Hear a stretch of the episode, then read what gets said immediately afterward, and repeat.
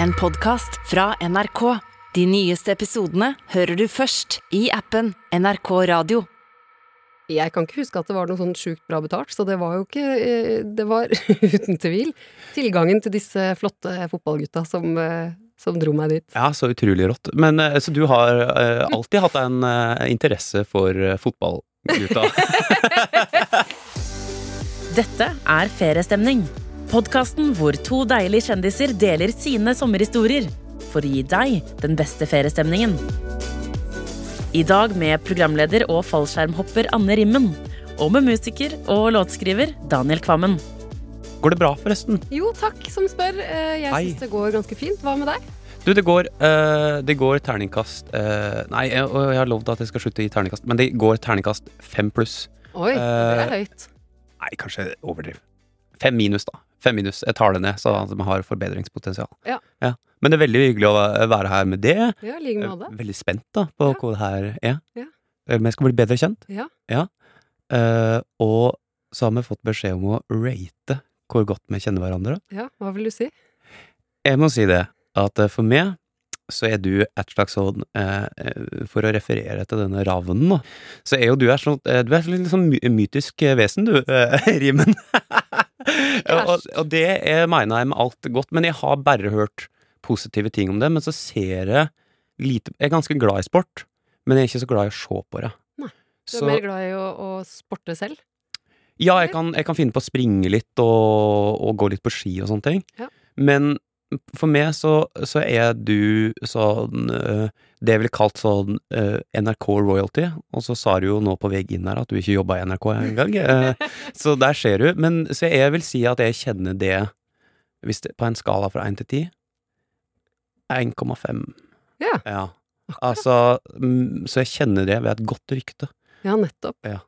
Um, Ja, men 1,5 er For jeg skulle til å si, eh, holdt på å si nesten eh, 0,5 om deg, men det er jo ikke noe Det eh, er lov. Ja, for det er jo fordi jeg kjenner deg jo ikke. Det er første gang vi møtes eh, i dag. Men eh, jeg kjenner jo til deg. Jeg har jo Ja, hørt sånn er om deg. Ja. Eh, men vi har jo aldri møttes og aldri prata sammen eh, før i dag, da. Hvor er du fra? Porsgrunn. Du er fra Porsgrunn, ja. Jeg Ja. visste det var noe sånn folkelig. Det var, ja, det, altså, det, det er Ja, for du tenker det er litt mer folkelig enn å være fra Oslo? Ja, er det ikke det? Jo. Er du enig? Ja. Uenig? ja. Nei, jeg er enig. Jeg skjønner hva du mener. Veldig fin by. Ja. Det var ikke noe vondt å si om Porsgrunn. Så men du og Bård Tufte? Ja. Er ikke han fra Porsgrunn? kan hende han vil si Skien nå, men eh, det er ikke så nøye. Hvor er Ibsen fra? Skien eller Porsgrunn? Skien. Nei! Ok. Stang ut, stang ut. Som Men det er altså, det er jo eh, Porsgrunn og Skien er jo eh, veldig nært hverandre. Eh, ligger helt inntil hverandre. Eh, og så er det jo sånn klassisk litt sånn der eh, elsk-hat-greie, og man skal liksom eh, disse nabobyen-greie. Det er jeg, er, er sånn, ikke, jeg er ikke så opptatt av å drive med den dissinga, da, men det er litt sånn der. Litt for tull. det er sånn vi har det med Ål. eh, Vet vi, jeg er fra Geilo, Ja. eh, og det er i toppen av Hallingdal. Eh, høyere enn Ål. Eh, noen ville sagt penere. Eh, men så har vi da en konkurrerende nabobygd som vi er veldig gode på turisme, eh, og i bygda ved sida av så er de ekstremt gode på musikk og kultur. Og jeg er jo da fra den kommersielle turistbygda. Ja. Så i nabobygda vår så har vi sånne artister som Stein Torleif Bjella og Hellbillies. ja, nettopp. Og det er jo alltid litt sånn uh, sårt for disse gjerlingene, men jeg prøver liksom da å på en måte øke den kulturelle kapitalen. Men det gjør du jo nå. Ja, det De må jo være altså, overlykkelige for at eh, du har kommet fram da. Da har jeg jo plutselig begge deler. Ja, du, altså, det, det har det, det, det, Men det er noen år til vi tar igjen Hellbillies, altså. Det er det jo. Uh, Jo, jo. Men vi får se, kanskje det fins en hederspris på Spellemann en plass der framme. Ja. Men du, apropos å stikke seg fram og sånt, jeg må spørre deg om et rykte jeg har hørt. Ja, få høre. Og okay. nå er jeg spent. Nei, men for, apropos det at eh, jeg, jeg, jeg, jeg driver og stikker meg fram. Jeg er jo utgangspunktet musiker. Og så uh, var jeg med på Du hadde vært med på Maskorama, ikke sant? Ja. Så du har vært med på reality, og det har jeg vært med på første gang nå, noe som heter Kompani Lauritzen. Ja. Og der inne så florerte det et rykte i starten yes. om at Anne Rimmen hadde sagt nei bare ei uke før, så at du egentlig skulle vært der inne med oss. Hvem var det, hvem var det jeg skulle vært istedenfor, holdt på å si? Hvem var det som liksom tok min plass? Og det veit jeg ikke om jeg kan si. Eh, Oi, men det er en! Ja, det var jo noen som måtte ta den plassen. Ja, men det, ja, ok, men bare for å eh, Det er jo ikke sant. Hæ, er det ikke det? Nei, det har aldri vært aktuelt eh, med noe, med noe Kompani Lauritzen for min del. Hæ, er det sant? Ja, ja. Åh, det Så jeg var vet ikke hvor det ryktet kommer fra. Men er artig, da. Og Ja, det var eh, sterkt rykte om at du, du var liksom Du var Anne Rimmen skulle egentlig vært der. Å ja. Ja. Og det kan jo også være litt den derre At jeg nå blir introdusert som ravnen. um, Jeg syns det det er ubehagelig. nei, for, nei, absolutt ikke. Vet du hva, jeg er faktisk egentlig ganske stolt over at jeg turte å være med der. Ja, Du kom langt òg, gjorde du ikke? Jeg er mye lenger enn det jeg noen gang hadde trodd. Fordi det er jo ikke det jeg driver med. Og så er det jo sånn at uh, jeg driver jo ikke med musikk. Jeg driver jo ikke og synger. Nei. Uh, aldri gjort. Aldri sunget foran folk før. Eh, og hvorfor jeg endte opp med å si ja til det, det vet jeg egentlig ikke helt. Men jeg er veldig glad for at jeg gjorde det, og jeg er veldig stolt over at jeg turte å gjøre det.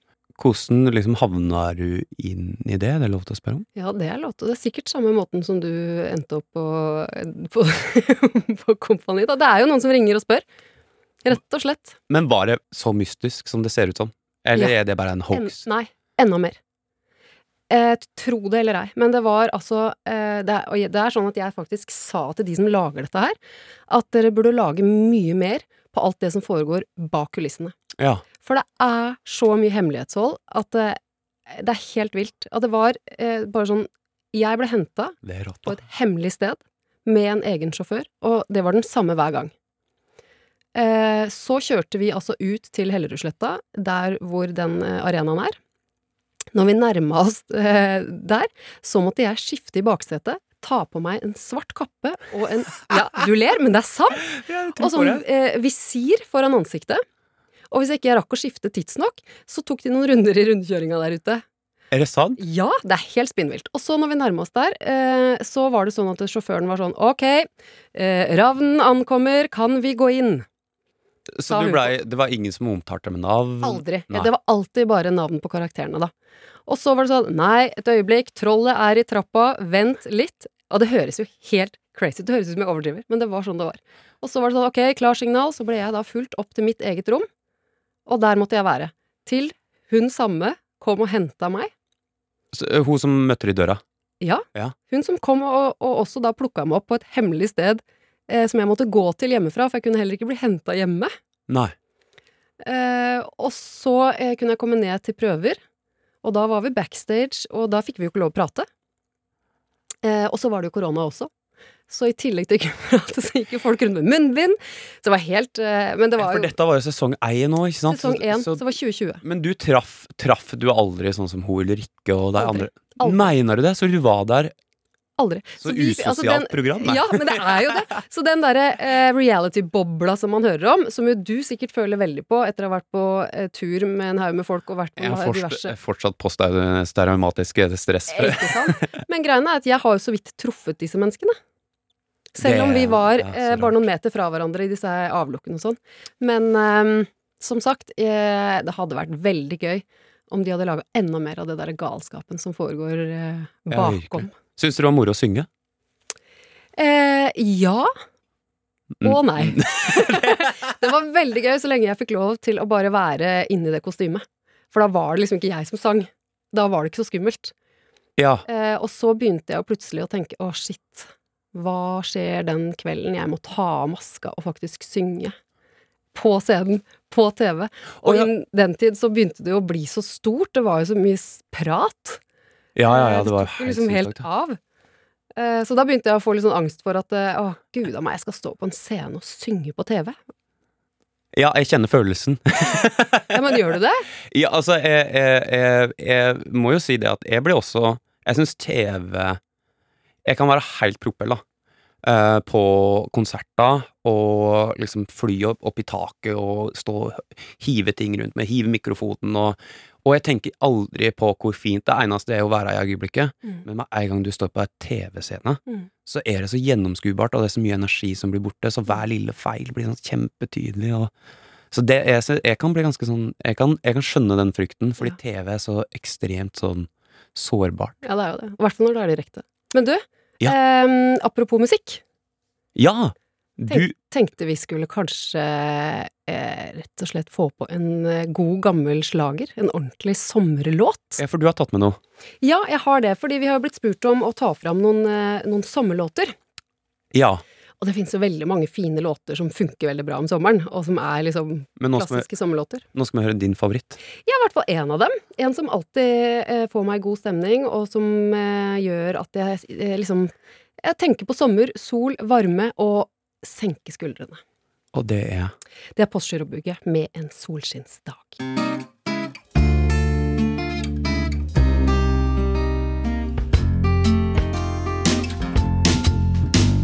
Jeg sitter ned på berget og ser utover havet. En solskinnsdag i ferien min.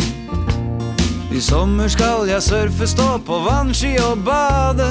Ja, denne ferien tror jeg blir fin. Forbi meg suser Andersen i sin cabin cruiser med alle sine venner om bord. Det kryr av jenter der i gjennomsiktige bluser, som Andersen ble kjent med i fjor. Jeg titter på jenter, jeg har solbriller på, så ingen riktig ser hvor jeg ser.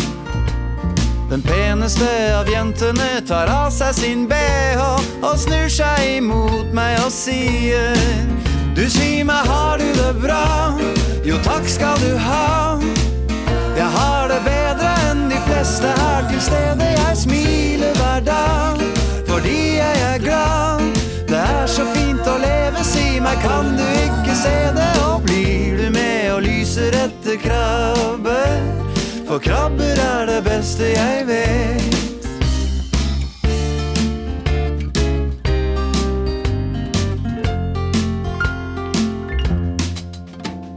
Vi reiser ut i båten min, en hvit romedille. Hun sier hun er glad jeg spurte. Vi finner oss en holme, det er fredelig og stille. Jeg sier jeg er glad at jeg turte. Så sitter vi og koser oss til solen går ned, og månen atter titter frem. Vi lyser etter krabber helt til klokka blir fire, fornøyde vi vender hjem. Hun sier takk for i dag, jeg har hatt det så bra. Det har vært så gøy å være sammen med deg, kjære. Jeg gleder meg til middag klokka to i morgen. Vi har hatt det så fint, kanskje er det mer i gjære. Jeg dekker på med lys og røde roser og åpner en bøvklikår. Nå har jeg det bra, og takk skal du ha.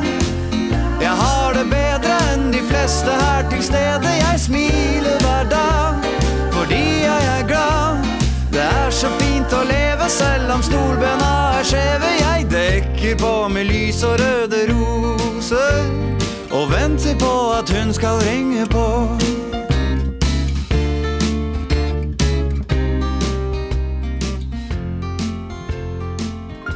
Ja, Daniel. Nå er det jo sommer. Eh, spørs litt hvor du er hen. Kanskje er det sol, kanskje er det ikke sol. Eh, men det jeg lurer på nå, er eh, Kan du beskrive din perfekte feriedag? Ja, det er jo øh, ganske betimelig, da, med tanke på at vi nettopp hørte den Solskinnsdag-låta til, til Postgirobygget, som beskriver jo en veldig sånn Det jeg vil tenke på som en sånn klassisk eh, sommer som jeg har lyst til å ta del i. Og det er For min del så er det bare å komme seg ned til en eller annen sånn norsk eh, kyst, eh, og helst liksom Svaberg, og kanskje av en eller annen merkelig grunn så har jeg en tendens til å alltid havne på Hvaler. Jeg har ikke noe hytte eller noe sånt noe der, men jeg greier liksom å lure meg med noen som har ei hytte eller et eller annet sånt ned på Hvaler. Og um, sånn, det tror jeg liksom er helt enormt glad i sånn norsk sommer.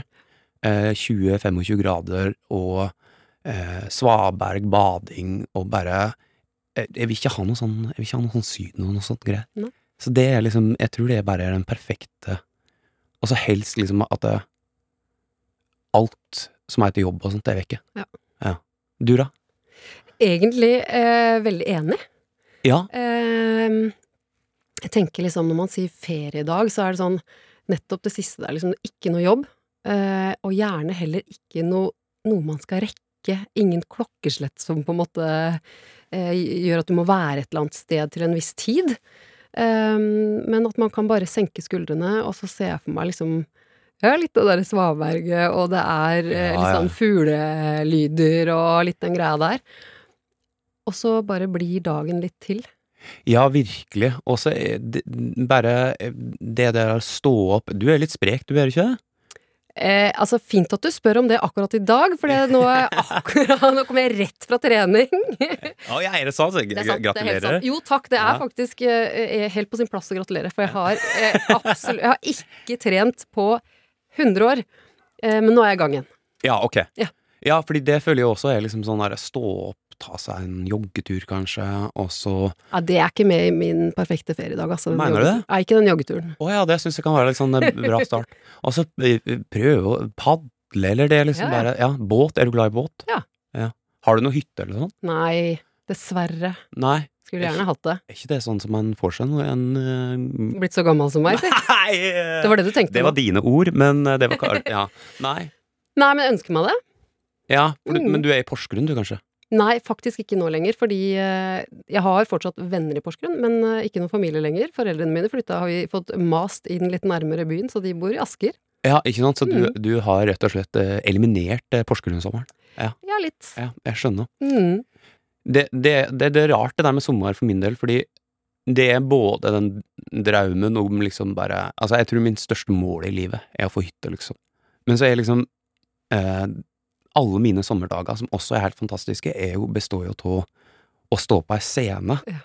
Og det er ganske sånn rått, og det glemmer jeg innimellom, for det er jo liksom jobb, og nå har det liksom blitt sånn at det er sju somre jeg har reist rundt Mhm. og stå på alt fra liksom Øyafestivalen til Morellfestivalen i Hardanger, som er to ganske sånn unike forskjellige opplevelser, men som der det ene er sånn der fy fader, det er verdens største rockestjerne, og det andre er sånn tenk at en får lov til å reise i kor, krik og krok til Norge og spille for folk. Og det er liksom sånn Det er en ganske sånn stor opplevelse at jeg i hele tatt uh, kan bruke til og med jobben min. Mm. Så jeg har jo ikke hatt fri. eh, Nei, for det skulle jeg si. Hvordan blir denne sommeren, da? Får du noen, noen fridager i det hele tatt denne sommeren, eller er det bare rundt å spille og synge hele sommeren? Ja, nå er det, nå er det Spellemann. Så nå er det veldig mye spilling, men nå er det sånn at jeg, nå, nå tar jeg til meg med både armer og bein, for nå har det jo vært stengt noen år. Ja. Så nå, nå er det rundt å spille i alle kriker og kroker, og egentlig, hvis, det, hvis du hadde ringt eh, Hvis du sier sånn etterpå, du kan du spille i Mørgå, er du ledig, så hadde jeg sagt ja, liksom, for jeg er så sugen på Så jeg har sagt eh, du, vi sitter på en hytte nede på Hvaler her. Lurer på om du har mulighet til å komme. Ja, det er ikke langt unna, så jeg Da hadde du kommet. Altså, jeg sier, jeg sier ja til alle venner og sånt som spør nå, for det er bare sånn her, jeg syns det er så moro. Vi skal høre på mer musikk. Eh, jeg har tatt med meg en låt. Og apropos det der å stå på festivalscene, så har jeg et eh, en konsept som jeg tenkte jeg skulle forklare for det rimen eh, Ravnen. Eh, og det er det jeg kaller av eh, n- gråteglede. Jeg har skjønt det av det. Jeg er ganske sånn glad i sånn musikk som bare er tydelig. Jeg elsker poplåter, Mm. og jeg elsker sånne låter som bare melder noe en kan forstå. Mm. Jeg skjønner ikke hvorfor folk skal gjøre ting så vanskelig.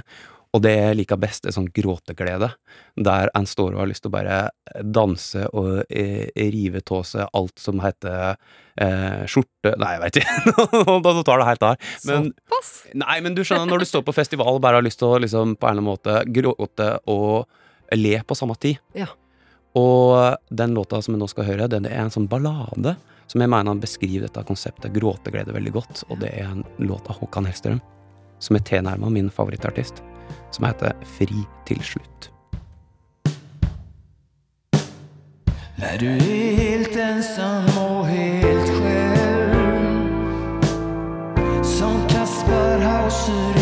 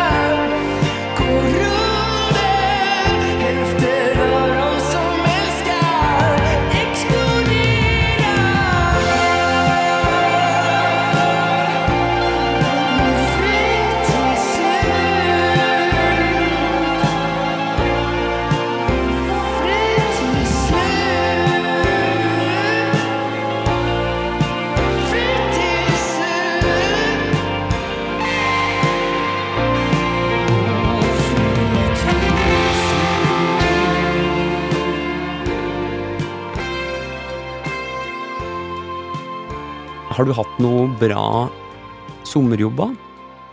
Noen bra sommerjobber? Altså Fordi jeg har hørt noe rykte. Å! Jeg har fått, det, det, jeg har fått en lapp her som det står 'talentleir for fotball'. Ja, Så dette er jeg ganske spent på. ja, det er riktig. Ehm, det har seg sånn at Norges Fotballforbund eh, har, eller i hvert fall hadde, Oi. eh, hver sommer en sånn talentleir for eh, unge fotballtalenter i Norge. Ja. Og den talentleiren, den var, skråstrek er, eh, alltid i Porsgrunn. Der hvor jeg kommer fra. Ikke sant? Så det betydde da at eh, alle landets beste fotballspillere eh, Nei, i en viss alder kom dit. Sånn ekte gode? Ja. Og jeg Erik Thorsvedt, liksom? Nei, han er for gammel. okay, uh, uh, Fordi, nei, men det som er greiene, er jo det at uh, jeg hadde da sommerjobb der fra jeg vel var sånn 14, tror jeg, til 17-18 Ja, tre-fire somre. Jeg Ja, husker ikke ikke helt hvor mange. Hva gjorde du? Jeg serverte og ordna, men først og fremst flørta med guttene. Nei! Jo. Mener du det? Ja, herregud. Ja, ja, ja. Jeg var jo da omgitt av kjekke I mitt hode så husker jeg alle sammen som veldig kjekke, selvfølgelig. Eh, fotballspillere som fløy rundt eh, og skulle prøve å imponere.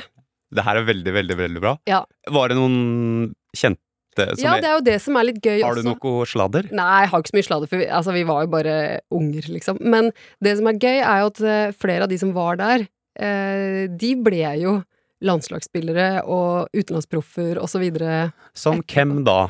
Nei, altså, eh, det er jo de som er på min alder. Så det er jo for eksempel Jon Carew. Ja, Han han er kjekk, da. Han Må er jo ikke du henge deg opp i det, da. Hæ? Men han var jo der. Eh, eh, Jon Arne Riise var der.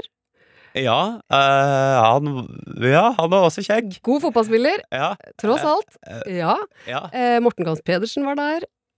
Han, han, han er ganske kjekk, men jeg har aldri skjønt den der sveisen, altså. Altså, Men det for- Han var veldig opptatt av eh, sveiser en periode. Det Ja, det var mye sveis. Han var vel sånn eh, ansikt utad for sånn eh, hårgelé-greier, tror jeg. Der, det er han, der, der er det noen som har gjort deg en rar deal, må jeg bare si. For deg, plakatene henger fortsatt på uh, sjapper hvis du og går ut de? Ja, det er helt sinnssykt. Oi. Så Men der- dette her var jo liksom før eh, sosiale medier og det å deale seg til ting. Han har ikke fått bra nok betalt da. Nei, det er Eller altså det det jeg har vet jo ikke jeg, da. Ja, Jeg han har sikkert fått veldig bra betalt, men jeg tror noen bare ikke har satt en, en sånn De kan bare slutte å bruke den Ja. i 2022, Ja. liksom. Men, Men kanskje han syns det er ålreit. Så Ja. Kanskje det var noen år hvor han skulle ønske at den dealen var bedre. Mens nå kanskje han syns at det er helt greit at de fortsatt er der. Ja. Hvem vet. Men du må jo ha truffet disse i ettertid og Ja. sånt. Ja. Og det er jo altså også litt gøy. Fordi vi har jo da møttes i, i jobbsammenheng senere. Jan Gunnar Solli. Ja, ja, ja. Ja. ja. Men, men huksa deg det som hun uh, unge flotte Jeg velger å svare ja til det. jeg velger å svare ja til det. Nå er det jo såpass mange år siden eh, at vi på en måte møttes igjen. Men eh, noen av dem eh, gjør nok det. Ja, Men hvor sa du hvor du, serverte Nei, det som var, ikke sant, dette var jo da en sånn talentleir. Dette her, de var ungdommer, ikke sant. Ja. Eh, så det var ikke noe sånn fancy hotell og sånne ting. De lå jo typ eh, på sånne klasserom med soveposene sine. Eh, og så var det matservering i en eh, kjempestor gymsal. Eh, hvor det var sånn Ok, eh, det er bare tre poteter til hver. Så var jeg hun som, sto, som sto og leverte de der potetene, blant annet, da. Men der kan du jo ikke ha vært omgitt av så mange eh, eh, flotte jenter på det tidspunktet, så du må jo ha på en måte hatt et slags eh, fortrinn i Absolutt. Ja. Det var jo derfor jeg Jeg kan ikke huske at det var noe sånn sjukt bra betalt, så det var jo ikke eh, Det var uten tvil tilgangen til disse flotte fotballgutta som, eh, som dro meg dit. Ja, så utrolig rått. Men så du har alltid hatt en interesse for eh, fotballgutta? Eh, først for fotballgutta, og så eh, deretter mer for fotballen, kanskje. ja, Mm. ikke sant? Men hva med deg? Har du hatt noen eh, morsomme sommerjobber? Ja, morsom og morsom um, sommerjobb. Jeg har hatt sånn ekstrem sånn derre um, På Geilo Mhm. Jeg har en far som er ekstremt økonomisk. Han er sånn beinhard halling. Så det er lite prat, opptatt av penger. Til og med når jeg ringer han nå, så sier han sånn ja, hei. Så sier jeg går det bra? Ja. Du da, har du noe jobb for tida? Og det er liksom, det er bare sånn, det er rett på økonomi. Og han er ganske sånn. Så jeg fikk beskjed om det ganske tidlig, at her skal du, her skal du få deg sommerjobb. Så jeg begynte å jobbe den dagen jeg liksom fylte 13. Jeg tror det var det som var sånn lågalder for arbeida. Ja. Og da var det rett i eh, Rett i eh, oppvasken. Ja. Og, eh, og det her utvikla seg over etter, for jeg sto i oppvasken, og så eh, liksom utvikla seg til at jeg blei servitør, så jeg steig jo i gradene. Blei 13, blei 15, og blei liksom Fortsatt på samme hotellet? ja, ja, ja. Jeg var der jeg tror jeg var nesten i ti år. jeg. Ustedalen hotell i Geilo. Ja. Institusjon der, ja. Og, eh, men det som var veldig fint med det, var jo at det var eh, da kimen til eh, mine første sommerforelskelser. Ah. Og um, sånn sett så var det jo en veldig morsom sommerjobb, fordi eh, på disse hotellene så var det sånn at der kom det eh, jenter fra Sverige for å være servitør. ja. Og de var jo ofte De måtte jo ofte være oppe liksom sånn 17-18-årsalderen for i hele tatt få lov til å reise hjemmefra. Mm. Mens jeg var jo da, når jeg begynte 13 år, og da var det bare sånn aug... Altså, jeg, jeg, det- altså, jeg husker Elin Larsson kom der. Hun, altså, hun var så pen at jeg visste ikke hvor jeg skulle gjøre alt av meg. Het hun det på ordentlig, eller hva fant du på det navnet? Nei, hun heter det. Um, og så uh, Det er helt sant. Uh, og eh, så blei jeg liksom eldre. Så det var jo bare Hvert år så kom det inn ei ny sånn jente som jeg bare blei mer og mer forelska i. Og etter hvert så blei jeg jo så, så gammel at jeg fikk lov til å være med på fest og sånt. Så, og da, da begynte jo ting virkelig å rulle. Ja. Så det var Hva en skjedde på de festene? Nei, det, nei, det var mye poteter og sånt. Nei, uh, nei, det, altså Det var jo bare liksom mitt første møte med Det var da jeg skjønte at her kan ikke bli for alltid, altså. Her finnes det? en større verden rundt. Jeg tenkte at hvis det finnes så pene jenter i Sverige, så kan ikke jeg bli på Geilo resten av livet. Ja. Ja, for du fortalte at eh, eh, faren din er opptatt av økonomi og sånne ting. Hva syns han om at du har eh, blitt artist, da? Er det Oi. liksom et uh, yrkesvalg han Det var tenker på som sikkert, og så videre? Du veit at jeg, jeg, jeg blei jo ganske gammel før, faktisk. Nå er jeg 34 år, og jeg blei 25 før i hele tatt. Og da hadde jeg prøvd å studere 50 000 ting. Jeg er sånn halvstudert røver. Ja. Og det var nok fordi at jeg hadde hørt hjemmefra at Ja. jeg er veldig glad i far min og veldig glad i mor mi, så det er ikke noe eh, alt, alt godt til deg, men eh, jeg hadde nok eh, på en måte fått beskjed om at eh, det der kan du ikke tjene penger på. Nei, det er ikke en ordentlig jobb, liksom. Nei, det er ikke en ordentlig jobb. Nei. Og så flytta jeg til Oslo, eh, og så ramla jeg litt tilfeldig inn i det. Og da var det jo eh, mm, noen år der Det skjedde litt sånn Jeg tenker på meg sjøl som the impossible artist, fordi det var ikke noe plan. Så det var bare noen låter jeg hadde skrevet, og så plutselig så sto jeg på Øyafestivalen. Ja. Og eh, så plutselig så var det en karriere, og da var jo det den store guttedrømmen, så jeg liksom heiv med tak i det. Mm. Og liksom, jeg beskriver det før som at det var et sånt tog som gikk i fart, og hvis det jeg så at det gikk, og hvis det liksom bare holdt meg hardt nok fast, så skjønte jeg at det her kan jeg liksom bli med på. Mm. Og sånn var det i mange år, og far min har ringt meg hver eneste dag i nå sju år og spurt sånn, ja, har du noe jobb? Eh, men på et eller annet tidspunkt inni der, så har han blitt veldig stolt. Ja. Og han har nok vært ganske mye bekymra på vegne av mitt yrkesvalg, da.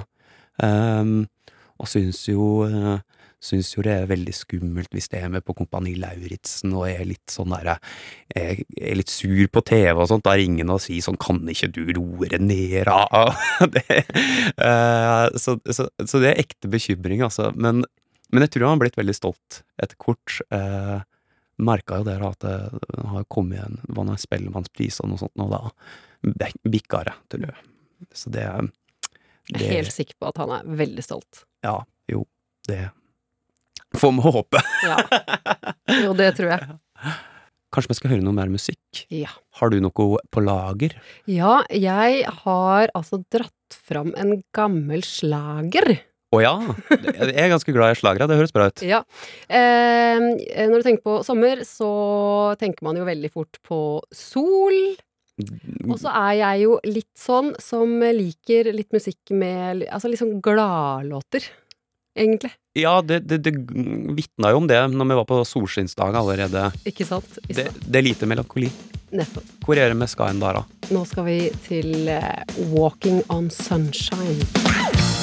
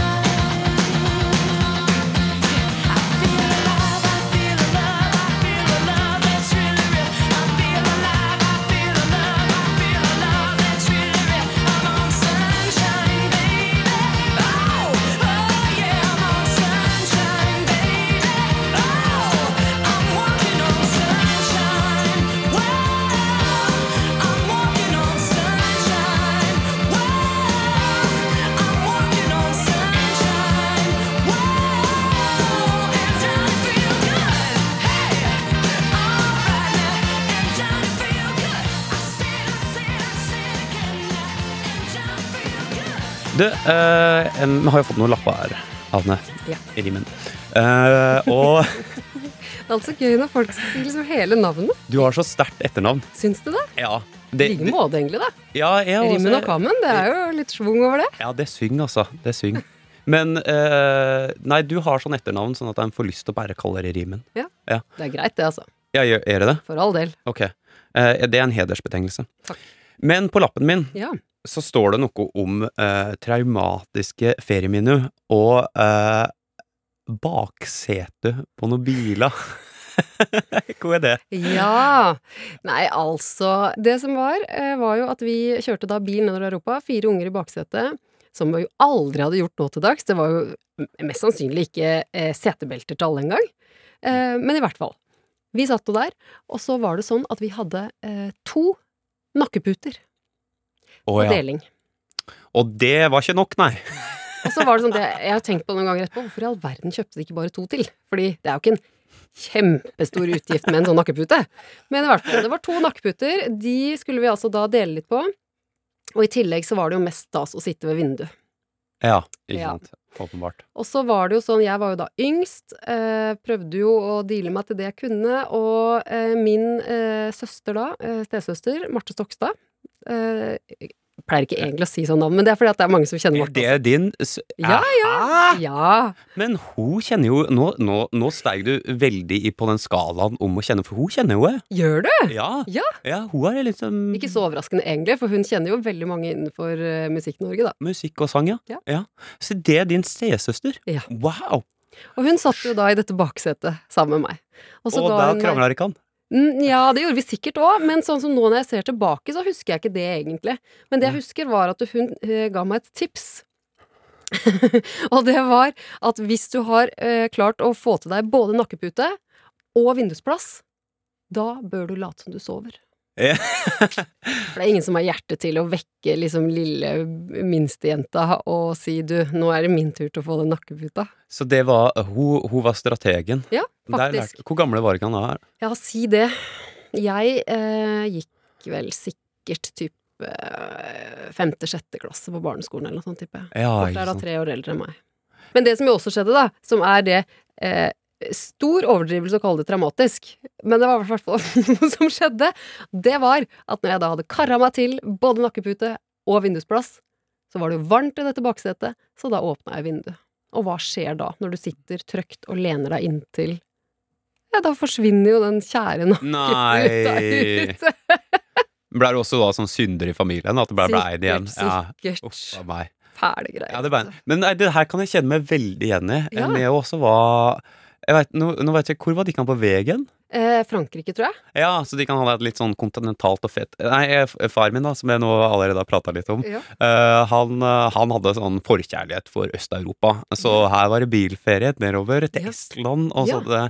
sånne, gamle kommuniststater. Og eh, altså, jeg huksa så godt at det var liksom skriking og skråling bak i den bilen, og varmt. Og på et eller annet nivå så er det jo, som du sa, da, tenk at jeg orka. Mm. Tenk at uh, Virkelig. Ja, virkelig. Og jeg huska også at det er liksom sånn Jeg husker det var Gry Annike Jarlum, Ja. Øystein Sunde på anlegget, Ja. og jeg satt og sang. og søstera mi skreik at jeg skulle være stille, og det var Det er beinharde greier, det der, altså. Skal vi se, hva med deg? Nå er, vi har snakka litt om eh, ferie, et ferieminne som jeg har. Eh, ikke sånn fryktelig dramatisk, men et minne likevel, da. Eh, men jeg har skjønt at eh, du har drevet med backpacking. Lett etter en hemmelig bok. Ja! Oi, herregud. Det står på min eh, lille Post-It-lapp foran meg her, i hvert fall. Å, herregud, Rimen, nå skal jeg fortelle deg noe rart. Mm. Um, dette er kjempesnålt, altså. Apropos ferieminne. Jeg er jo en ganske åpen type. Jeg er et ja-menneske. Og i min spede ungdom, sånn i 18-20-årsalderen Jeg husker ikke akkurat året, jeg er veldig dårlig på sånne ting, men så var jeg eh, ganske søkende. Litt sånn halvspirituell. Hadde noen venner som var liksom glad i litt sånn derre eh, Det var jo på den tida liksom Da Vinci-koden og sånt var litt eh, i vinden, da. Og jeg, jeg var ganske sånn Jeg syns jo alt som handla om litt sånn, eh, litt sånn eventyr og sånt, var veldig spennende. Ja. Så på et eller annet tidspunkt så er det en kompis av meg eh, som spør og han er en, han er en ja, utrolig fin type, men han har alltid vært en snåling. Eh, sånn hyperintelligent eh, fyr som eh, har masse rare ideer for seg. Og jeg og han var kjempegode kompiser, eh, og spesielt på dette tidspunktet så eh, spilte vi musikk og pleide å prate om liksom hva som var meninga med livet, og det var liksom ikke måte på hvor pretensiøse vi var. da. Eh, og da, da, da på et eller annet tidspunkt så spør han sånn ja, du skal ikke være med til Italia, jeg skal ned der på en litt sånn sånn der, jeg skal gå litt rundt og sånn, backpackertur. Og jeg bare jo, jo, jo, fy fader, jeg skal være med til, jeg skal være med til til Italia. Så vi reiste ned til Italia, pakka sekken, og så eh, er liksom hele konseptet, da, i utgangspunktet er ganske far out, fordi vi skulle bo som uteliggere, og ikke veit jeg hvorfor vi gjør dette. Men poenget er at eh, jeg tror nok at det var noe sånn Vi hadde ikke så god råd på den tida, så det var liksom sånn sparepeng. Det var ikke liksom uteligger, men vi skulle sove ute. Ja. Det var sparepeng, på en måte, så vi skulle reise til Italia og ikke betale for noe som helst. Var. Dere hadde med telt, da, eller hva? Nei, det hadde vi heller ikke. So so- sovepose hadde vi med. Ja. Og jeg husker at det var noen situasjoner der jeg husker at jeg liksom våkna opp i en skog utafor Verona, og det er eh, Og jeg bare hører at det fresa noen sånne spinnende hjul eh, eh, over Altså, jeg våkna opp til at det står en motorsykkel rett ved huet mitt, og sånn Og da viser det seg at det er laktus i en sånn offroad eh, offroad-løype. Nei! Ja, altså det var, det var helt sånn spinnville greier, og det, det toppa seg liksom når jeg skjønte det, at han fortalte meg liksom han, Altså, han kompisen min var jo også litt sånn søkende og spirituell, og da han fortalte meg liksom sånn halvveis inn i turen at du er her egentlig for å leite etter ei litt sånn hemmelig bok. Og ja, det, det hadde han ikke sagt noe om før dere dro? Nei, nei, nei. Nei. Og så jeg sa Jeg lurte på hva, mener du, liksom? Eh, Hemmelig bok, hva er det for noe? Nei, han hadde fått beskjed av det av en synsk mann, at han skulle reise til eh, Italia Oi! for å leite etter en bok. Så Ja, hvilken bok? Nei, gud veit, fordi vi fant den ikke, tror eller ei. Men eh, det var jo Den skulle inneholde noe informasjon om, eh, om hvordan eh, livet skulle bli og sånne ting, da. Så det var, det var Jeg kan love deg det at plutselig så var jeg i min egen personlige sånn da Vinci-koden. Eh, det, det var helt spinnvilt, og vi fløyde rundt på museum, og det var ikke måte på til liksom eh, eh, til til liksom eh, altså vrangforestillinger, fordi man var helt overbevist om at denne boka den fantes sikkert her, og vi var sikkert unge nok til å liksom tro litt på at vi kunne finne noe litt sånn sånn informasjon så inns- Nå blir jeg veldig flau, egentlig, mens jeg forteller dette, men Og så toppa hele greia seg med at eh, vi sover ute en kveld. Vi går for å Vi legger fra oss tinga våre, og så eh, går vi for å leite etter denne boka på dag 15 eller noe sånt, og så kommer vi tilbake, og så er alt stjålet. Nei. Alt er stjålet, og jeg står, og jeg har heldigvis passet mitt og kortet mitt på meg. Ja. På magen, liksom. Hadde han andre da, eller? Ja. Ja. Som jeg hadde de viktigste tinga, men jeg står og jeg gret, og jeg eh, får, får tak i en telefon en sånn der Da var det jo fortsatt sånn at en kunne finne sånne eh, telefoner som sto rundt. Ja. Vi ringer hjem, og jeg reiser hjem, og så sier han ja, da, da får vi få oss en billett hjem, og så bare ser, ser han på meg, og så sier han sånn du, jeg tror jeg bare går Spania på tvers, jeg. altså, Går Spania på tvers? så han reiste videre, jeg reiste hjem, jeg fikk nok, Ja. og han gikk Spania på tvers. Det er helt sant. Men veldig spennende historie. Jeg føler Ja. den trumfer den der nakkeputa eh, mange hakk. Den er liksom traumatisk og rar, og den er litt sånn sånn Men en morsom historie eh, å ha på lur, da. Å kunne fortelle videre flere år etterpå. Jeg har så mye sånt, det. det ja, altså hvis vi blir sånn kjent eh, seinere i livet, Ja. utover dette programmet det, det, Altså, jeg har vært med på mye rart, Rimen. Ja, jeg, Så gøy da, Kvammen. nei, men jeg er veldig glad i å si ja, Ja. og da skjer det mye moro med livet. Ja, det gjør jo det. Ja. Jeg oppfordrer alle til å si mer ja, så lenge det ikke går på bekostning av andre. Ja. Det er jo en fin eh, leveregel. Veldig.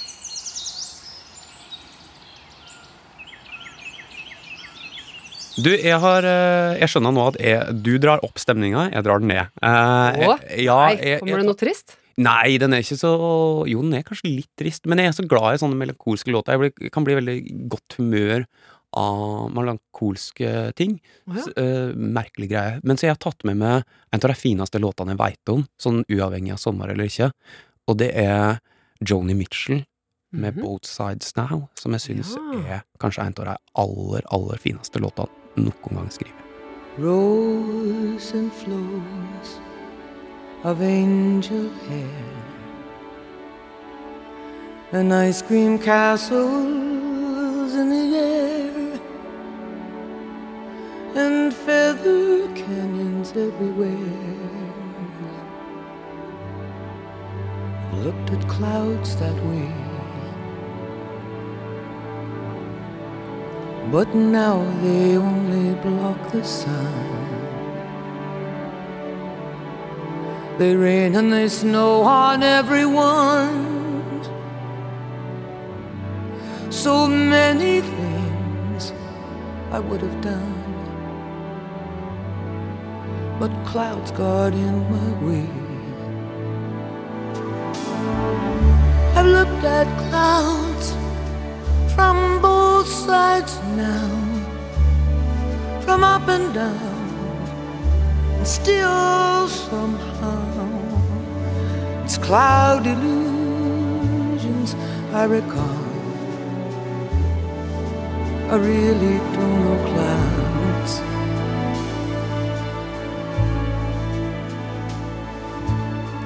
At all.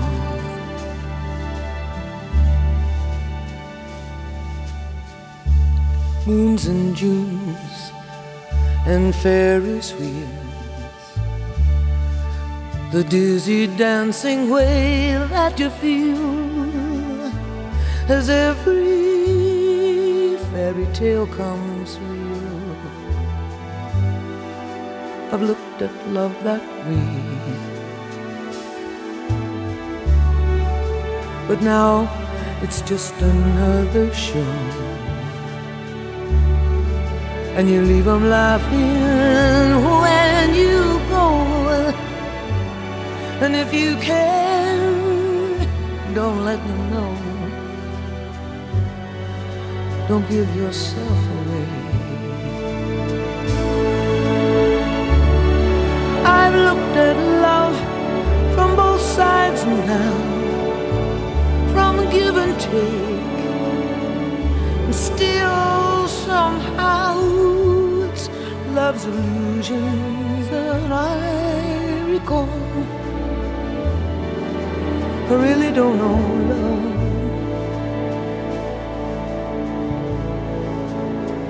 I really don't know love at all.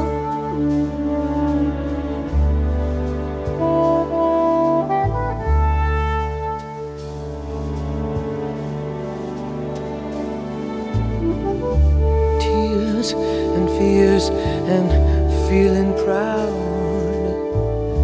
to say I love you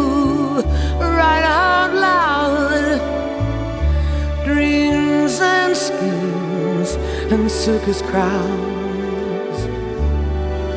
I've looked at life that way. Oh, but now, old friends, they're acting strange.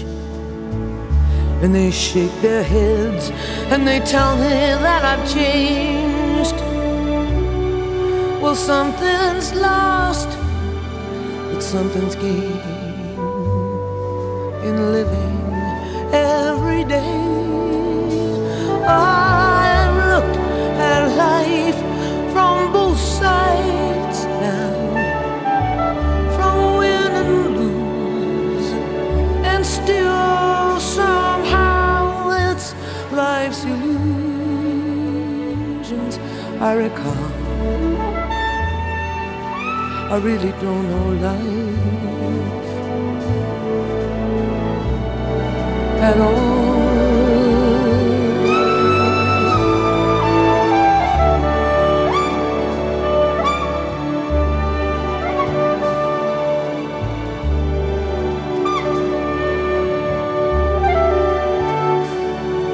It's life's illusions that I recall.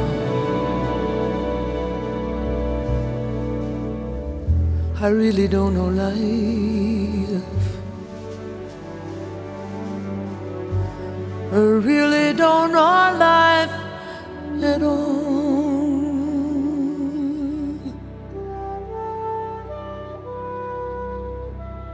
Daniel, det som er litt gøy med den låta du eh, valgte her, eh, bortsett fra at den jo er eh, veldig, veldig fin, eh, det er jo faktisk at eh, Joni Mitchell eh, fremførte den på åpningsseremonien til OL i 2010 i Vancouver.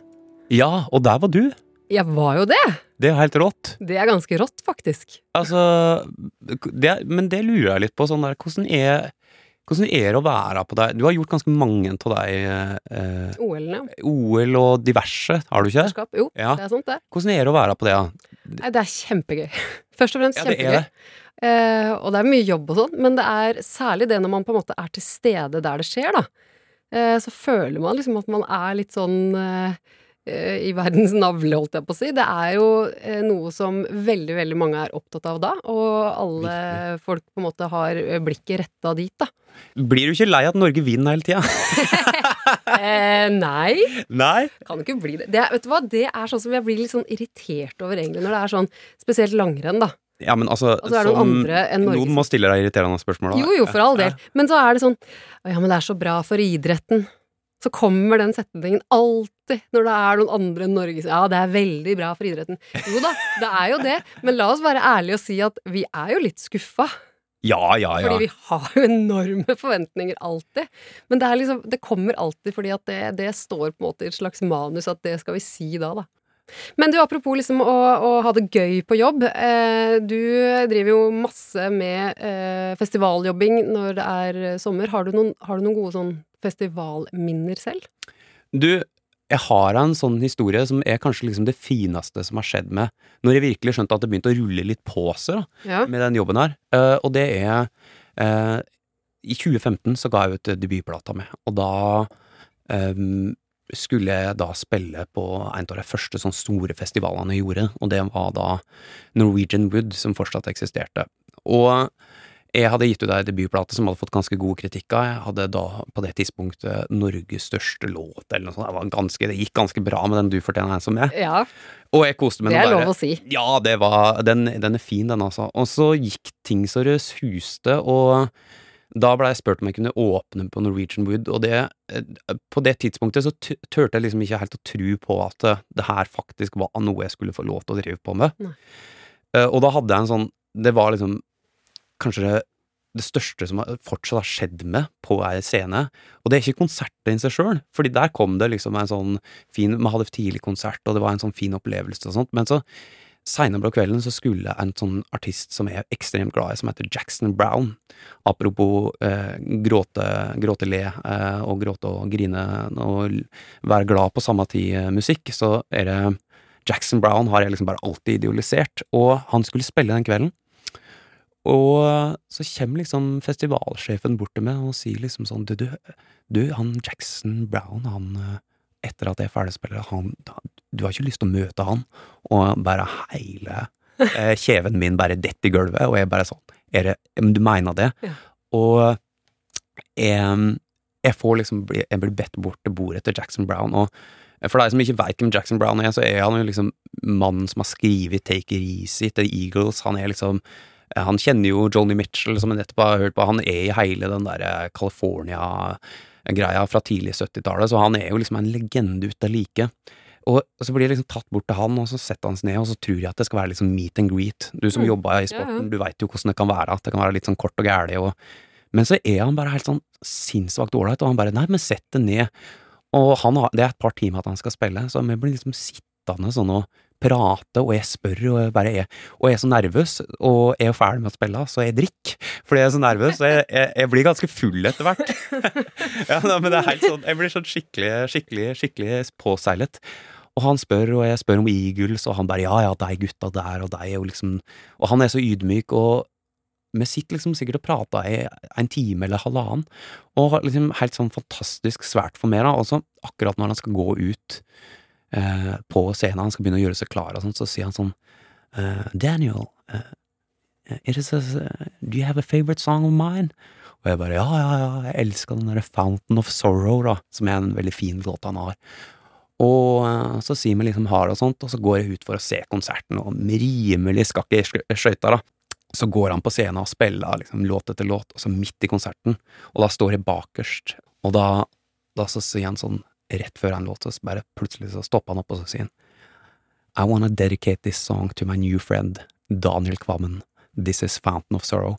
Altså, det var virkelig det råeste jeg noen gang har opplevd.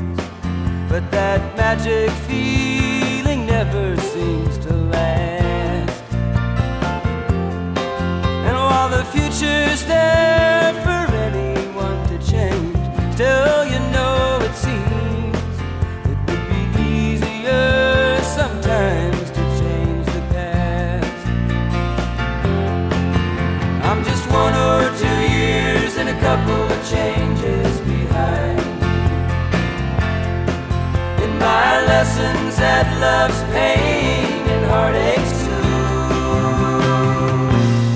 Where if you feel too free and you need something to remind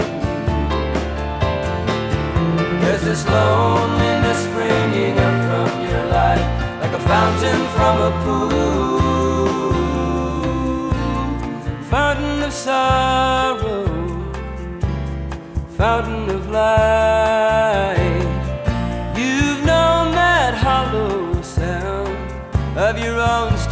flight. You've had to hide sometimes, but now you're alright. And it's good to see your smile face tonight.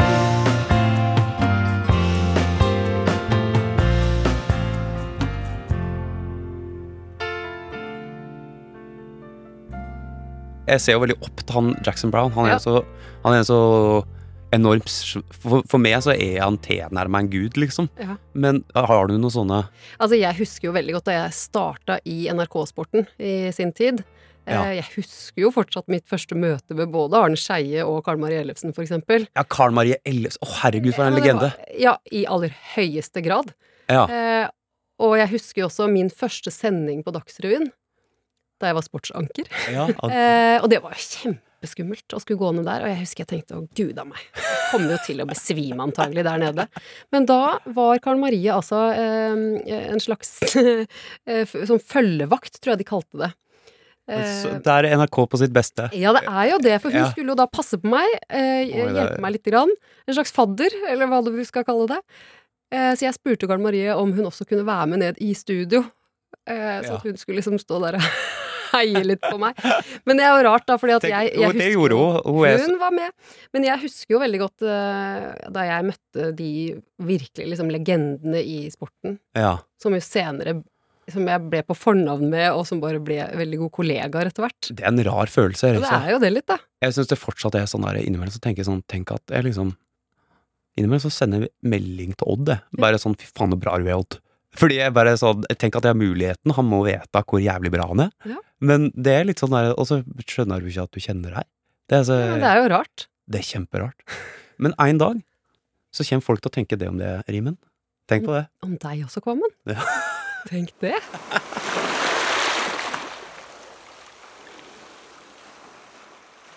Du er skikkelig glad jente, du, på, sånt, på musikk. Ja. Det er jo helt eh, Men Du er- har den gladeste musikksmaken jeg har uh, Jo, dette er jo bare tre låter, men jeg har alltid vært sånn derre eh, Selv Altså, jeg har aldri skjønt greia med eh, Hvis noen er lei seg, at de skal eh, ha veldig mye sånn trist musikk. Så tenker jeg, men du blir bare enda mer lei deg.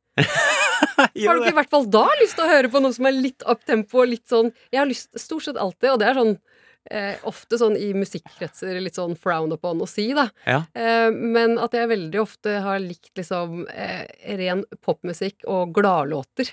Som Nei, jeg alltid men har kalt det det. er ikke flaut. Det er Nei, jeg er ikke flau å si det i det hele tatt, men jeg, for jeg er sånn Ja, jeg liker det. Og jeg blir i godt humør av det, og jeg har mest av alt lyst til å bli i godt humør når jeg eh, velger musikk. Tenk at jeg skal lære det i en alder av 34 år, at han ikke trenger å høre på trist musikk.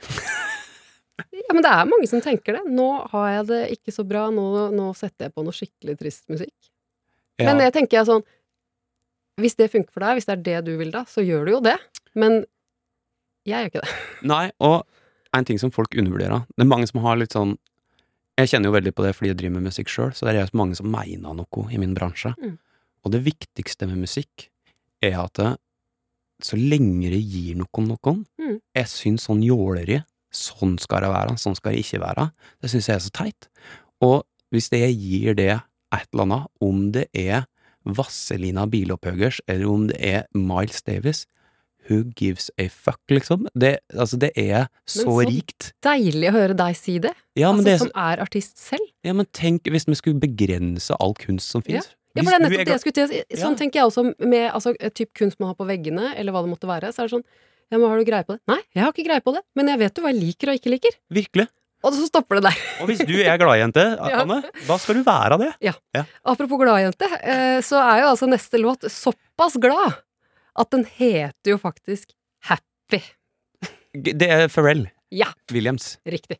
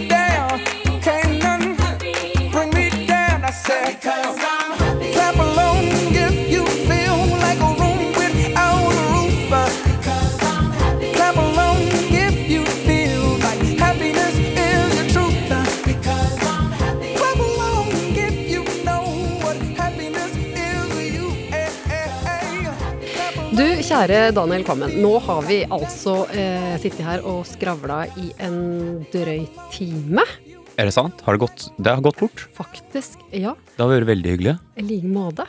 Vel, altså jeg tror vi kunne fortsatt en god stund til hvis vi hadde hatt tid eh, og mulighet her. Men eh, det siste som står på denne lappen vi har fått, Ja. det er at vi skal prøve å oppsummere eh, tre ting som vi har til felles. Hva tenker du da? Jeg tenker aller først at det jeg har lært om det, Anne, og eh, som jeg visste om meg sjøl, men som jeg har til felles, er at vi er noen skravlebøtter, begge to.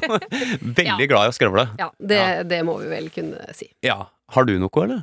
Ja, jeg tenkte litt på dette her med eh, sommerjobber vi har hatt eh, i våre ungdomsår. Eh, Som jeg fikk litt sånn inntrykk av at eh, var litt motivert eh, Litt likt motivert, kan man vel si. Hvordan da, det med det? Nei, altså for min del så var det disse fotballtalentleirene som eh, kanskje jobben handla ikke Eller handla ikke så mye om selve jobben, men mest om disse her fotballgutta som var det. Ja, at det, Ja. det var bare Jeg var egentlig der for er svenske jentun. Ikke sant?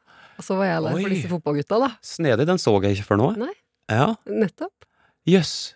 Og Og Og så føler jeg også eh, at jeg merker litt sånn i løpet av samtalen her at vi også har en litt sånn fellesinteresse for sport. Det, det kom ikke så overraskende for meg, men det, jeg var jo ganske klar over at du var relativt eh, Ja. sportsorientert. Men jeg er jo en eh, er jo en eh, Jeg er ganske glad i sperten Ja, sjøl. ja. Så der, der, eh, der treffer du. Ja. rett og slett. Veldig, veldig veldig hyggelig å bli kjent med deg, Anne. Må, jeg må avslutte med det å si at det, det, det fins visse sånne personligheter som man ser på avstand og tenker sånn Det der mennesket der er ryddig. Jeg liker, jeg liker det mennesket. Og Ja. sånn er du for meg. Eh, eh, umiddelbar eh, respekt. Og det har du til gangs bevist eh, i, dette, i dette møtet. Å, så hyggelig! Og bare det at du sa det der, det føler jeg nesten eh, oppsummerer mitt inntrykk av deg. Fordi du er en varm og åpen og ærlig fyr. Tusen hjertelig Som det har vært så hyggelig å bli bedre kjent med i dag. Skal Eller vi- kjent med, for vi kjente hverandre ikke fra før. Nei, det, dette er starten på et eventyr. ja. Du har hørt en podkast fra NRK. De nyeste episodene hører du først i appen NRK Radio. Med all respekt. Læreren har gitt en oppgave som handler om oss. Altså med all respekt. Hvis du, lærer, hvis du læreren hører på nå, Ja. hva faen er det du holder på med? Men du skader jo disse barna her, barna her umenneskelig. Ja. Horrible meninger. For det andre kan ikke snakke norsk engang. For det tredje Hva faen er det du driver med? Full av konspirasjonsteorier. Dette, er som, dette her er som å gi Twitter-feeden Donald Trump til eh, ba små barn. Det er jo helt sjukt hva du driver med, men tusen hjertelig takk. Fortsett å gjøre det. En podkast fra NRK. Med all respekt.